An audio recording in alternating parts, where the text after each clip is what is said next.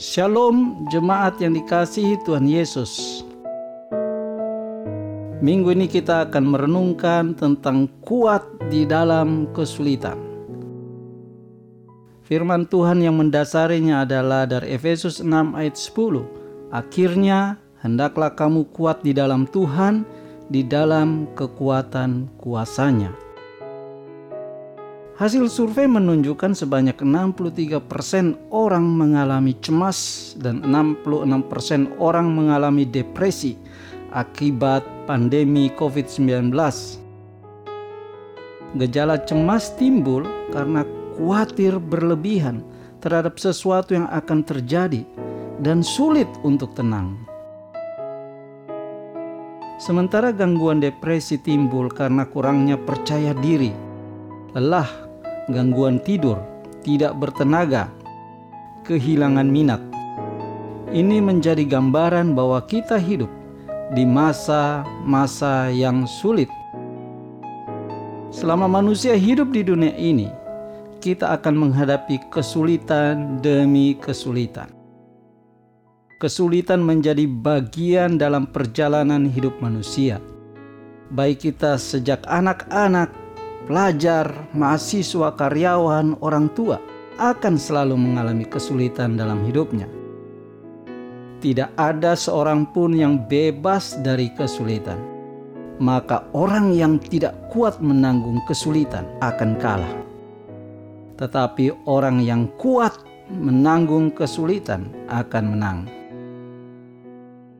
Jemaat yang dikasih Tuhan Yesus dalam renungan minggu ini kita mau menjadi pemenang atas kesulitan, karena kita memiliki kekuatan yang dari Tuhan.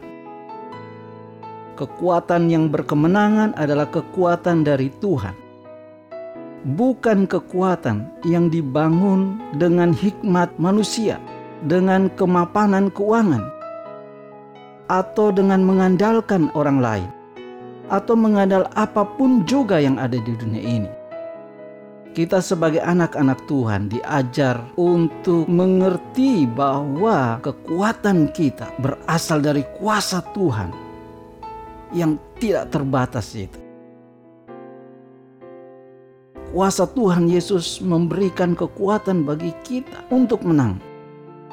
Jemaat yang dikasih Tuhan, kekuatan Tuhan membuat kita kuat, tidak hidup dalam kecemasan dan kekhawatiran kekuatan Tuhan menguatkan hati, menenangkan jiwa, mendatangkan damai dan sukacita ketika kita dalam kesulitan. Bagaimana caranya supaya kita boleh mengalami kekuatan Tuhan dalam hidup kita? Yang pertama, orang yang mengalami kekuatan Tuhan orang yang terus berharap kepada Tuhan Yesus.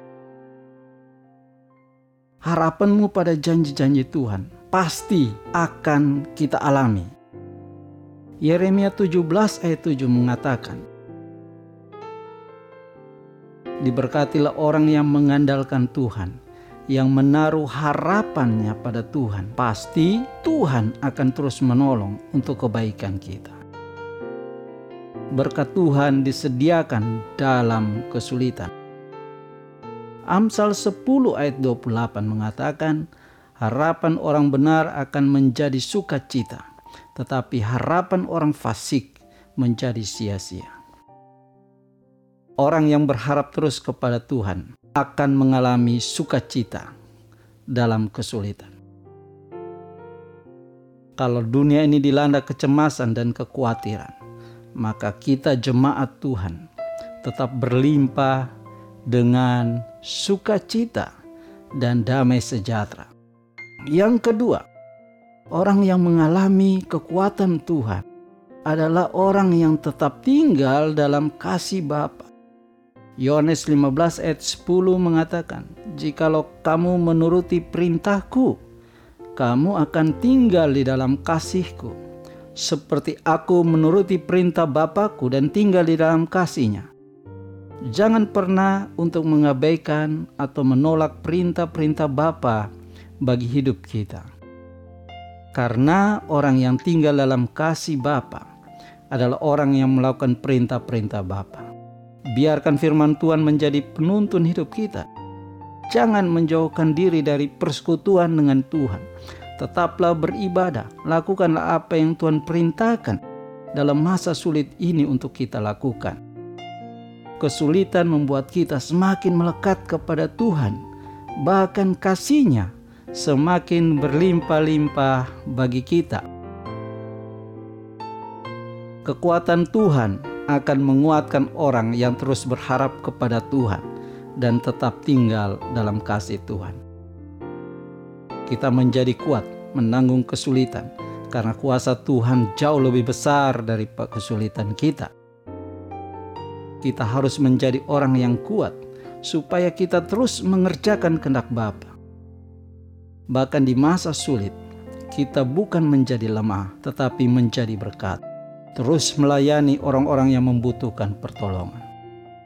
Tuhan Yesus memberkati kita semua. Amin.